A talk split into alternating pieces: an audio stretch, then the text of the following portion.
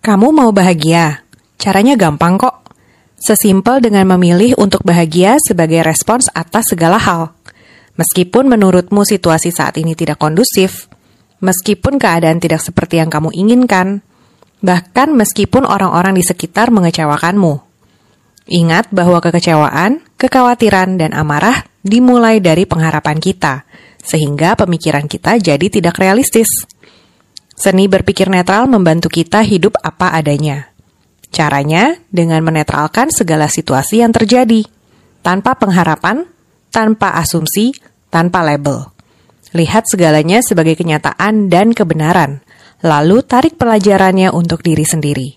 Berhenti menilai atau membandingkan hidup dengan orang lain, fokus saja pada perkembangan diri kita sendiri. Dengan begini, kita selalu bahagia.